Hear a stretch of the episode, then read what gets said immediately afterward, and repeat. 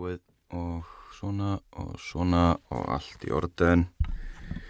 Og þá er okkur ekkert að vannbúnaði velkomin í Kóronu lestur ég held þetta sé lestur nr. 20 eða 21 en uh, lesturinn í dag er sjálfstætt framhald af fyrir lestri okkar úr Árbók ferðafélags Íslands frá 1979 og það eru Örafasveit það er hann uh, Sigurður Björnsson frá Kvískerim sem að reytar þessa Árbók og við erum þegar búin að lesa ímislegt mjög áhugavert úr henni og auðvitað bendi öllu þeim sem ekki heyrðu þann lestur að kíkja á podcastið eða heimasíðuna svavar.net skástri korona og finna þann þátt. Hann er all greinilega mertur undir Árbókferðarfélags Íslands 1979.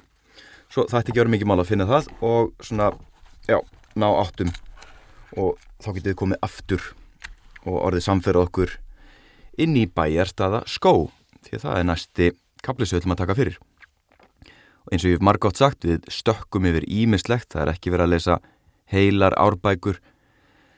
Þetta er svo mikið magn af efni að uh, það er bara ekki raunheft þannig að til þess að fara millir ólíkra landsvæða og ólíkra árbóka þá verður við svona að grýpa niður hér og þar. En það er áhugavert framöndan, það er ferð í bæjarstaða skó. Farið í bæjarstaða skó og um Skaftafells fjöll. Næsta dag er farið í bæjar staðaskó, þánga er all laung ganga og er rétt að gera ráð fyrir að ferðin taki allan daginn að minnstakosti ef farið er að útfalli skeiðarár. Enn er farin sama leið frá tjaldvelli og í fyrstu ferðinni, en ekki farið alveg upp að ringsjáni, heldur eftir merktri leið norð-vestur-vestur heiðina. Þarna er um sinn farið fyrir ofan skógin eftir hálfdegjumýrum með víði og fjalldrapa runnum. Fjalldrapi sem víða er svo algengur finnst ekki annar staðar í örafum. Þegar lengra dregur likur stígurinn gegnum all vöxtulegan skó sem heitir Prests skóur. Munns út horfa hafi verið ítak frá Rauðalæk og síðar Sandfelli. Innan við Prest skó er smá gíl sem nefnist Klappargíl og er það samnefni. Þetta er skemmtilegt gíl sem gaman er að skoða með skói í brúnum en klöppum og smáfossum í botni. Fyrir innan það er all breið skóar torfa en síðan taka við tvö smákil, einsta sníðagil og hólgil. En úr því er komið í skriðu runnar hlýðar. Heitir þar grjót hotlar sem farið eftir ruttri götu. Þetta var raunar þjóð leið meðan skeiðar á var farin á jökli eins og einat var gert meðan sandurinn var farin á hestum. Þegar kemur niður undir dalbotnin er komið í all stór vaksinn skó sem nær langt inn eftir hlýðinni. Indalinn er auðveld og skemmtileg leið fyrir þá sem hennar vilja njóta. Suður hlýðin hefur upp á nóabjóða til skoðunar eina dagstund. Langt inn eftir dalnum eru hlýðarnar vaksnar stórvaksnum byrki skói upp að klettabeltum sem taka við hvert af öðru upp á brún en er á nokkrum stöðum skorinn sundur af myndarlegum giljum. Nokkuð inn með hlýðin er allvel gróin flöt og liðast um hana smá lækur. Árunum fyrir 1954 var mikið að smá sílungum í læknum. Skeiðar á, lónaði þá inn í lækin þegar hlaupið var í hámarki og síðan hefur ekki sérst þar segði, enda dóu fugglar sem voru nærri vassborðinu. Má að því ráða að ekki hafi öll þau efni sem áinn bar fram verið lífurum holl. Þegar skamt kemur inn fyrir þessa flöt þrítur skógin, en hlýðin er stórfalleg áfram og ágætt að ganga alla leiðina lóninu við Mórsárjökul. Torfarlaus leið er upp á brúnina, framan við Kristina Tinda ef réttir farið, en brekkan er svo há að ekki er ráðlegt fyrir aðra en röska mennað leggja á hana. En nú skulum við halda yfir Morsá, sem oft er talsvert vatn, leirborin og köld eins og önnur jökulvatn. Getur hún þá verið viðsjálf fyrir ókunna því að vöð á jökulám breytast oft.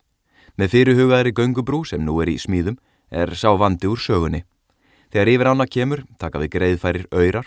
Ef mennuru sæmilag gang knáir er sjálfsagt að taka stefnuna nokkuð sunnan við bæjarstaða skó og fara útfalli skeiðarár. Ekki skal því líst eins og það er nú, en þá óvíst að svo lýsing stæði heima þegar aðeir komið. Þar er allt sífældum breytingum háð. Stundum ber það til að áinn bullar upp eins og trottlökin hver, en hún á það líka til að renna fram um lárétt göng og allt þar á milli. Sé áinn í sumar vexti er útfall hennar alltaf stórkoslegt. Sjálfsagt er að við hafa alla gætni þegar skeiðar á er annars vegar. Ekki er að vita nema einhver staðar í nánd við hana leynist holrum eftir jaka sem áinn hefur einhver tíma orpið sandi.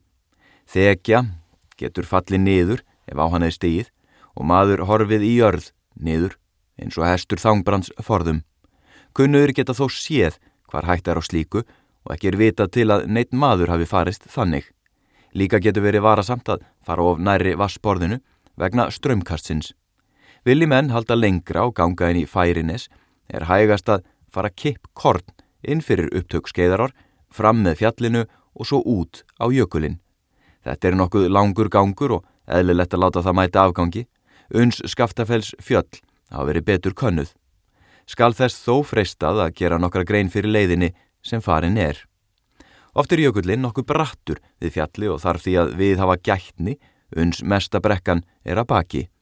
Þegar upp er komið er leiðin nokkur veginn greiðfær, þótt krækja verði fyrir einstakar sprungur. Venjulega er ekki ástæða til þess að fara langt út á jökulinn, enda varðla hægt að fara svo langt að vel sjáist í Krosskilsdalin, sem er þarna upp í fjallinu og Krosskilstindur nýtur sín vel og nálægð, en hamrarnir sunnan í honum eru mjög tilkomum miklir. Afsakið að skrepa fram og kíkja á matin, ég er að elda.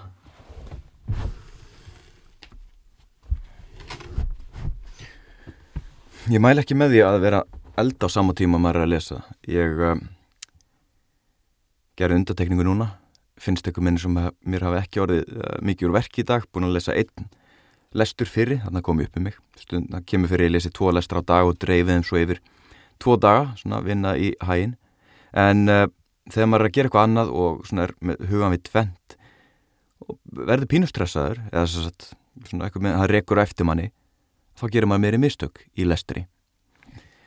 Þannig ætla bara að draga andan djúft, ég er búin að lækka nýri hitanum á því sem er að kræma á pönnunni og tek mér bara minn tíma að lesa þetta áfram. Jájá, áfram með lesturinn. Þegar komið er á móts við krosskilt tind er stefnan tekinn skamt austan við færinnes tinda sem eru siðst og vestast í færinesi. Á kortinu er krosskilið á skökkum stað. Það á að vera eftir endurlöngum dal botninum.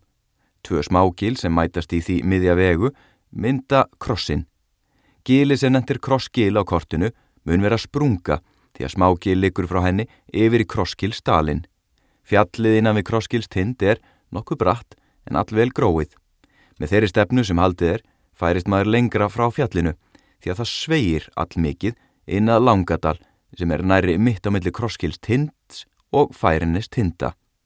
Framan af þessari öld meðan jökullin var miklu hærre nú, myndaðist oft stort lón í Langadalnum sem tæmdist með smá hlaupi í skeiðará. Fyrir komað menn heldu að slík hlaup var í byrjun á skeiðará hlaupi og þorði ekki annað en að gera ráðstafanir í samrami við það. Þeim fylgdi ekki eins mikil fíla og gáttu kunnuðir oftast greint hvort um byrjun á stór hlaupi var að ræða eða Langadals hlaup. Þetta var kjörið, uh, tækifæri til að spjalla við eldri ættingi og spyrja hvort að þau hafi upplifað hlaup, jökulhlaup. Og jökulhlaup er mér svo notað í alþjóðlegu svo satt í orðalagi alþjóðlegu vísinda tungumálega hvað mann segir. Jökulhlaup er bara alþjóðlegt orð yfir þetta fyrirbæri og ég held að gerist ekki neinstar annar starfn á Íslandi. Þess vegna fáum við að halda þessu orði. En uh, ég vil líka benda á að uh, frá sóleimjökli komi áður fyrir slík hlaup þá, þá stíplaðist þess að Uh, jökulgilið og kom oft mikil flóð þar fram en, en jökullunur hópa svo mikið að það er ekkert að stípla það gil. En áframanlæsturinn, oftast er all góður vegur í færinestið, austan færinest hinda, sjálft er færinestið dalkvós, allvel gróin, en það þótti þarna mest að kosta land til beitar áður fyrr. Þarna er þriði skérhóllin í skaftafælli og er nafniði hæfi. Hann mun vera gamalt fram hlaup Færinist tindar eru eiginlega sundur skorinn egg með alls konar myndum. Hægt er að ganga um megin hluta hennar en sumir tindarnir njóta sín best úr nokkuri fjarlægð. Norðan við færinesið rýsa færines eggjar með mörgum tindum. Nokkri gangar eru í eggjum þessum og er eitt þeirra með láréttum stöðlum svo gangam upp tröppur á eggina. Þegar komið er þar upp sér yfir norður dalin, breiðan og mikinn en að miklum hluta fylltan jökli. Hérna er líka góð útsinn yfir skeiðar á jökul til Eistrafjalls, Grænalóns og Grænafjalls. Einnig sést langt norður á jökul. Norðan við Eggjarnar er góður vegur austur af Blátindi og norðan við hann niður í Vesturdal og fram eftir honum austan verðum. Allgó leið er líka sunnan undir Eggjónum yfir á Fúsadals Egg. Af henni er stórkoslegt útsýni, engum af hæð fremst á Fúsadals Egg, sem á korti er nefnd Skerhóll. Nafnið er á raungum stað. Þaðan er hægt að fara niður með fúsagili, niður að heitu lækjum og er þá komið á þær slóðir sem farið var um ef snúið var aftur við skeiðar á. Ekki er vitað hvernig þessi fúsa nöfn eru tilkomin, en fúsagili er nokkuð djúft, þó það sé síður en svo hrikalera en mörg önnur gila þessum slóðum. Vel má vera að þar hafi eitthvað gerst sem minnisamt hafi þótt, en ef til vill er það bara kent við pilt sem staðið hafi í vegi sem ekki þótti mikil fræð, þótt mikið geti olti á trúmennsku hans og dugnaði. Ef farið er norðu fyrir færinni svo langa gilsekjar að blá tindi getur komið til greina að fara niður vestan við kjósar botnin og austur eftir ekkjónum norðan kjósar að þumli. Síðar verður minnst á leiðina þaðan niður í Morsárdal. Þetta er einhver stórkostlegasta leið sem farin verður hér um slóðir. Þó að þar séða mest um líparitt myndan er að ræða eru þær svo markbreytilegar að óvíða getur slíka fjölbreytni. En leiðin er laung og all erfið og varla fyrir aðra en þraut þjálfaða fjallagarpa að leggja á hana. Hægast mun að fara framann undir langagilsekkjum og niður í krosskilsdal, en einnig er hægt að fara fram á krosskilstind og þaðan niður í krosskilsdal en dálít er það bratt. Úr krosskilsdal er góð gönguleið, skáhalt niður á upptökum, skeiðar ár. Þar er talsveru gróður meðal annars bauna gras. Nú skulum við taka upp þráðin þar sem fyrr var frá horfið, þegar snúa skal tilbaka frá skeiðar á. Hægast er að ganga neðan við jökulfells hlýðina tilbaka, en góður stígur er þó skamt upp í hlýðinni. Var hann oft farin með hesta, þegar skeiðar á var farin á jökli. Fyrir þá sem vilja njóta gróðursins í hlýðinni er sjálfsagt að velja þá leið. Þar eru torfur með falluðum byrkiskói og miklu blóm skrúði. Nú skulum við halda norð-austur með hlýðinni, Kipkorn inn í minni Vesturdals. Vesturdalur hefur stundu verið nefndur Blá Núkadalur. Í vestur hlýðin eru heitulækir, volgar uppsprettur sem renna í kaldan læk. Skamt neðar er dálítill ylvolgur foss og er tilvælega skóla þar af sér svitan eftir gönguna ef heitir í veðri. Við heitulæki var um tíma fjár skíli og var áburður sá er þar sapnaðist fyrir notaður í kartublu garð, sér en á rústir þar sem kofin og garðurinn voru. Aftur er farin niður auðurinn, sem þarna hefur myndast að framburði læks er kemur úr vestudal. Hann getur verið vass meiri en svo að gott sé að stökka yfir hann. Oft hverfur hann þó að mestu í auðurinn þegar nokkuð dregur frá dalsminninu og er þar auðveldur yfir ferðar. Nú er haldið að réttar gili sem er mjög sérkennlegt þótt ekki sé það íkjað djúft. Þar sem ekki eru hamrar er það vaksi byrki og reyni og falleir fossar skreita það. Gilið er raunar í beinu framhaldi af Östurdalnum en millir Östur og Vesturdals gnæfir hinn formfagri stóri blánúkur. Frá réttargili sérst litli blánúkur vel en hann er vestan við Vesturdal, næri því á móti nafna sínum en lætur lítið yfir sér þótt hann sé vel lagaður. Fyrir á öldum og fram til 1861 var öyrin framan við réttargil miklu læri en nú. Var þá stór hellir neðst í gilinu að vestanverðu og notaður fyrir fjár rétt. Árið 1861 smöluðu skaftfellingar geld fér til rúnings í innfjöllum fyrir miðjan mæ og rákuð allir réttar í réttar gil. Þeir fóru ríðandi inn að gilinu og skildu nakkan eftir á hrjúfri klöpp vestan við það en sleftu hestunum í bæjarstaða skó á góða haga. Sjálfur fóru þeir sömu leið og hér hefur verið líst inn í færines og smöluðu þá fjöllin sem í leiðinu voru tilbaka. Skeiðar á, hafði ekki sérst frá því um miðjan vetur. Þegar þeir gengu inn í jökulin, heyrðu þeir drunur undir fótum og grunaði að skeiðar á væri að koma fram. Þegar þeir koma á krosskilstind, sá þeir að vatnar fara að renna fram og ógs ört. Þeir heldu þó áfram með fjöð í hellirinn, en rétt á eftir sá þeir að vatn úr skeiðar á stendi átt til þeirra. Hleyftu þeir þá fjönu út í skyndi. Heljarmennið Einar Jónsson greip nakkana til þess að forða þeim undan flóðinu. Nakkur hans var fastur, annað ístæðið aði fest á nippu, en Einar kifti í. Ístæðs ólinn slittnaði og ístæðið kvarf í hlaupið. Til þess að komast heim eru þeir að fara langt inn í Morsárdal því að hlaupvatnið lónaði langt inn eftir dalnum. Talið er ekkert annað hlaup hafi aukist eins rætt og þetta og er líklegt að það hafi komið víðar að en úr grímsvötnum en fullvisa er fyrir því að svo hafi verið um setni skeiðar á hlaup. Þetta hlaup var síðar kallað stóra hlaup eða vonda hlaup. Þegar réttargilið hefur verið skoðað er haldið áfram austur öyrin, uns viðblasir stort skildi í skóarjæðrinum. Þar stendur að menn séu velkomnir í bæjarstaðaskó og mælst til að þeir gangi vel um. Nú er komið í einn stórvaksnasta byrki skó hér á landi, en ekki er hann mikill að víðáttu. Fyrir síðust aldamot voru þarna tæpast gildari 3 en 10-15 cm í þermál. Nú munu þau stærstu vera um og yfir 50 cm í þvermál. Nafnið bæjar staður, eins og þessar torfurinn endar í örafum, þýðir einfalla staðurinn þar sem bærin stóð. Bærin hétt Jökulfell og mun hafa verið góð jörð á sinni tíð. Þar var heimiliskirkja, hálfkirkja kannski, fram á 14. öld. Nokkur vafi leikur þó á því hvort um hálfkirkju var að ræða fremur en þriðjungs eða fjörðungskirkju, þar sem messað var þriðja eða fjörða hvern sunnu dag. Var kirkjunni þjónað frá Rauðalæk og mun bondin hafa goldi prestunum sem svarar þremur ám og, gemlingi fyrir þjónustu sína. Rústir bæjarins sáust fram á síðustu tugi átjónda aldar. Hann hefur að líkindum staðið nokkru framar en skóar torfurnar ná nú, en horfiði auður fyrir nálægt tveim öldum. Mjög er jarðvegur þykkur í torfum bæjarstaðar og há róf gefa til kynna meiri víðóttu en nú. Lítið hefur þó gengið á torfurnar á þessar öld, nema hvað skeiðar á tók nokkuð neðan af þeim í hlaupum og rann undir hluta þeirra um tíma eftir eitt hlaupið. Var þá að fara þvert í gegnum skóginn til þess að komast inn á jökul, en til þess var það að taka tvö hlið á gerðingunni sem settaði verið um hann. Mikil groska er í grasi og blómum innan um skóginn, svo það veriðist jáfnvel hamla endur nýjun skóarins, því að plönturnar koma þar upp, litlu að frægi nema nokkuð í kringum torfurnar. Framundir síðust aldamót var töluvert gert til kóla í bæjarstað eins og víðar í skaftafelli en síðan hefur skóurinn ekki verið nýtur nema til augnaindis og fræ tínslu.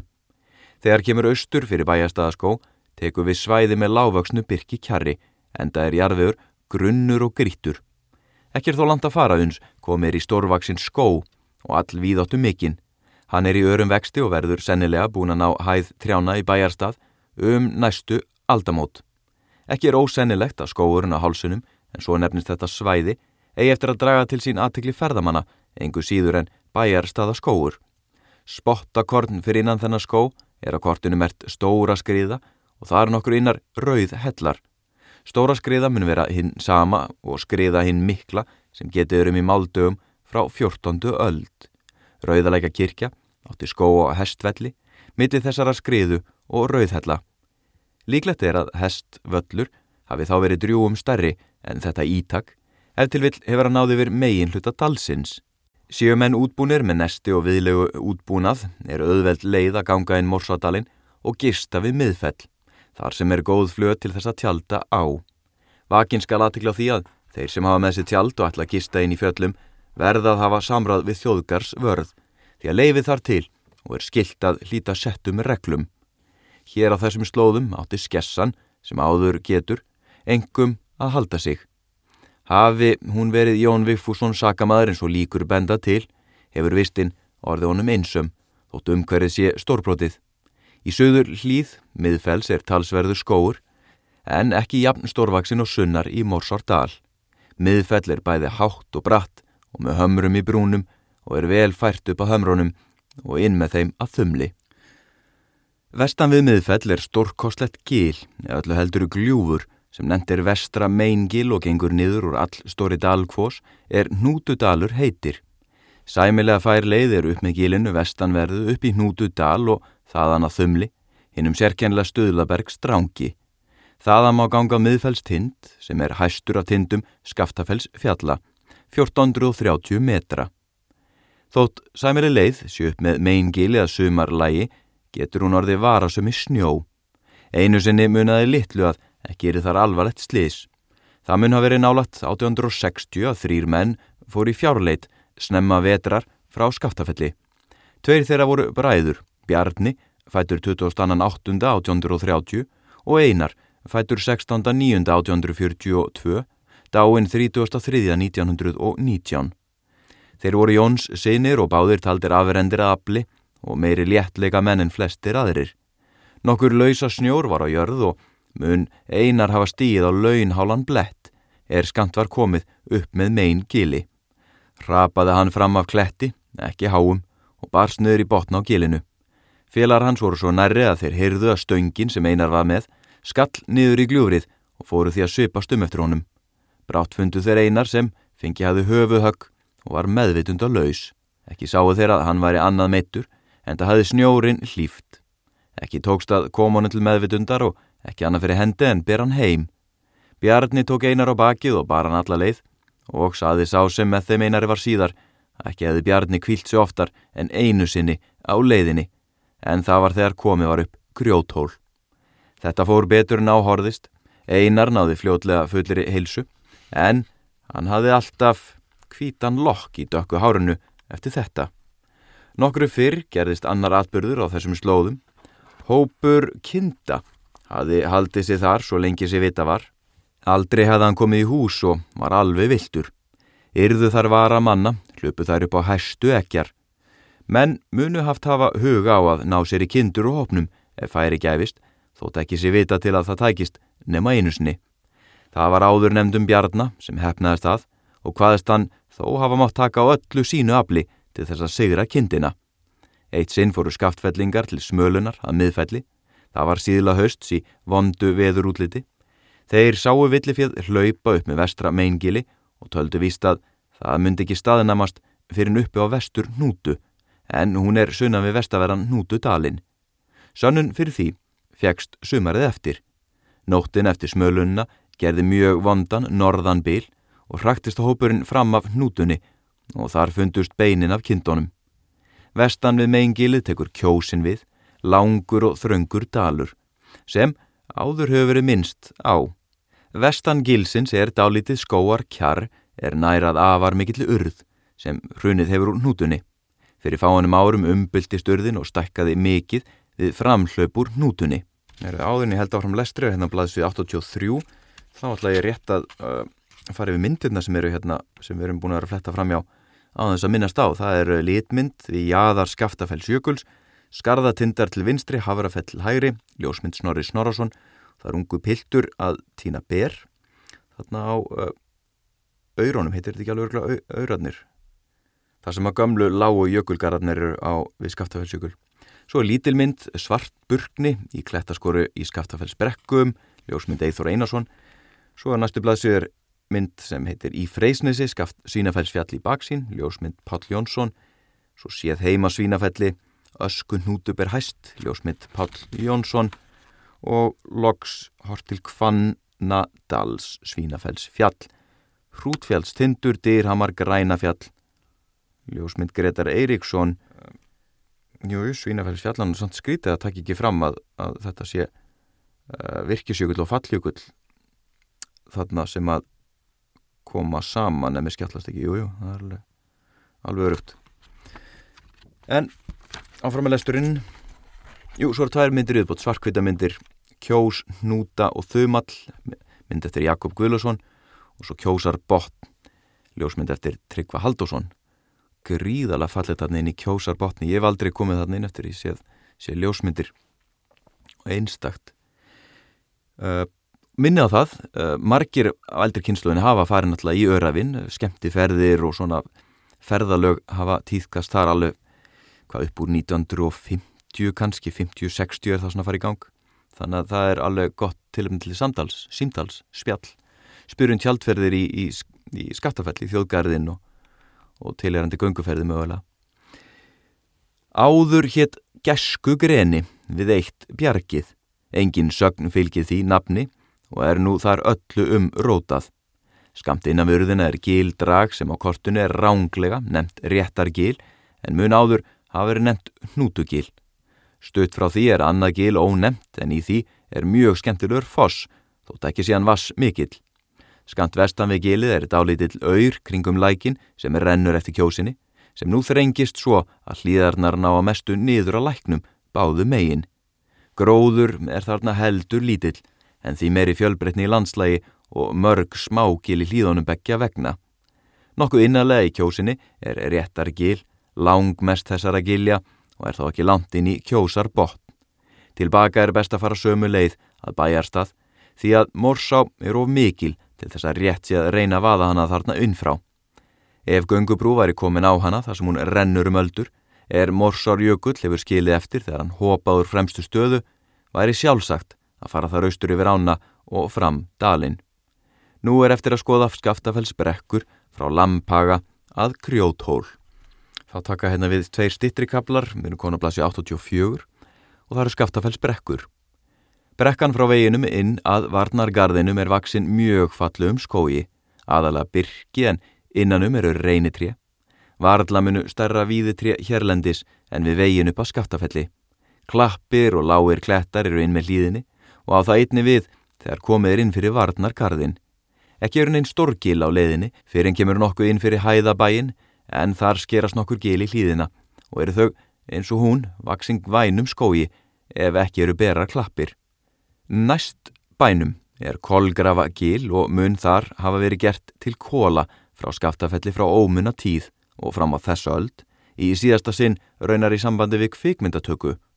Næst er gödugil, fyrir árum kom það stundum fyrir að skeiðar á rann þannig að brot myndaðist undan gödugili og var þá stundum farið með hesta upp göduna við gilið.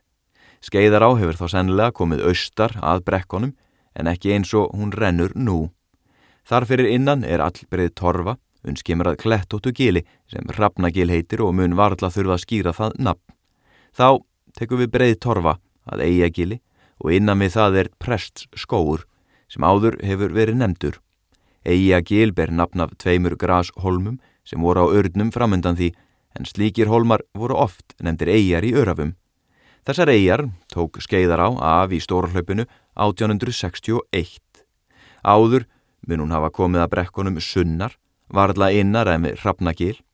Vitað er að eftir að áinn fór að rennaða brekkunum um 1784 lent hún á klöpp við brekkur rætur sem hrattinni frá og varði þær austanverðar þó að álar og skeiðar á smá færðust austur með brekkunum eftir því sem hún bar undir sig.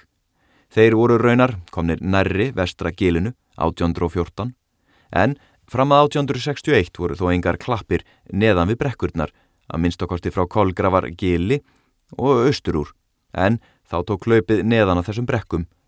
Þar var skóurinn stór vaksnastur og undir honum hafa verið vikur skablar frá gósunu 1362 því að í samtíma heimild segir að vikur og viðar dreif hafi náttúrulega eirabakka eftir hlaupið. Víðast í þessum brekkum er skóurinn svo hár og þjættur að ílt er að komast um hann nema eftir stigum sem haldir við. Að vísu er víða hægt að ganga eftir klöppunum neðan við skógin en þar þarf mikla gætni vegna skeiðarár sem rennur við þær með strömmkasti. Sá sem lendi í hana þar myndi varðla segja frá atbyrðum. Áður var vikið að því að gróður er fjöl skrúður í skafta felli. Nokkrar mjög sjálfgjafar júrtir eru þar eins og svartburkni og egg tvíblaðka. Þær eru báðar frið lístar. Skaftafell var talin góð jörð vegna hagbeitar og eldiviðar en gallið þótti hver slæjulítil hún var. Þó er svo talið að sama ætt hafi búið þar í um það byrj 14 ættliði og var Skaftafell þó lengst af ekki sjálfsegna jörð. Nú er það þjóðgarður sem var formlega afhendur ríkinu 15. september 1967. Herri, ég ætla að láta þetta gott heita. Þetta er stittri lestur en margir aðrir lestrar en bara létt og laga gott. Áðan í hveð þá ætla ég að taka fram að við munum örglega lesa eitthvað aðeins meira úr þessar árbók. Örafin eiga það svo sannlega, nei, ég ætla ekki að gera upp með landsvæða, en ég mun klukka aftur í örafin. Og mér langar alltaf að senda hveðju þó svo ég kannski ger ekki dráð fyrir að þessi vini mínu sé að hlusta. En ég fór með góðum vinahópi fyrir mörgum mörgum árum 10, 11, 12, 13 ári, ég man ekki hvað land síðan 14, 15 jáfnvel og við gengum inn í Morsádal þannig að í þeirri góðri minningu með þá góðu minningu í huga þá sendi ég bara kæra kvæðu til Yngvars, Sigga, Sigrunar og Stellu í Fraklandi og takk fyrir góðan túr skemmtileg ferð góða minningar, nokkra myndir en annars hveði ég ykkur bara þakka kjalla fyrir hlustun á Koronu Lestur og hveti ykkur bara til að hlusta aftur en hveti ykkur sérstaklega til þess að ringja í einhvern eldri ættingja og spjalla um uh, örafi, gönguferðir, jökla, að vaða jökulár, jökul hlaup, byrkiskóa, viðar kól, já, you get the point. Það er þetta svona móða eitthvað úr þessum lestri. Mórsardalur, jari, jari, jara, eitthvað dettur eitthvað í hug. Endilega ringja, farið valega, hafa það gott, takk fyrir hlustuna, bless, bless.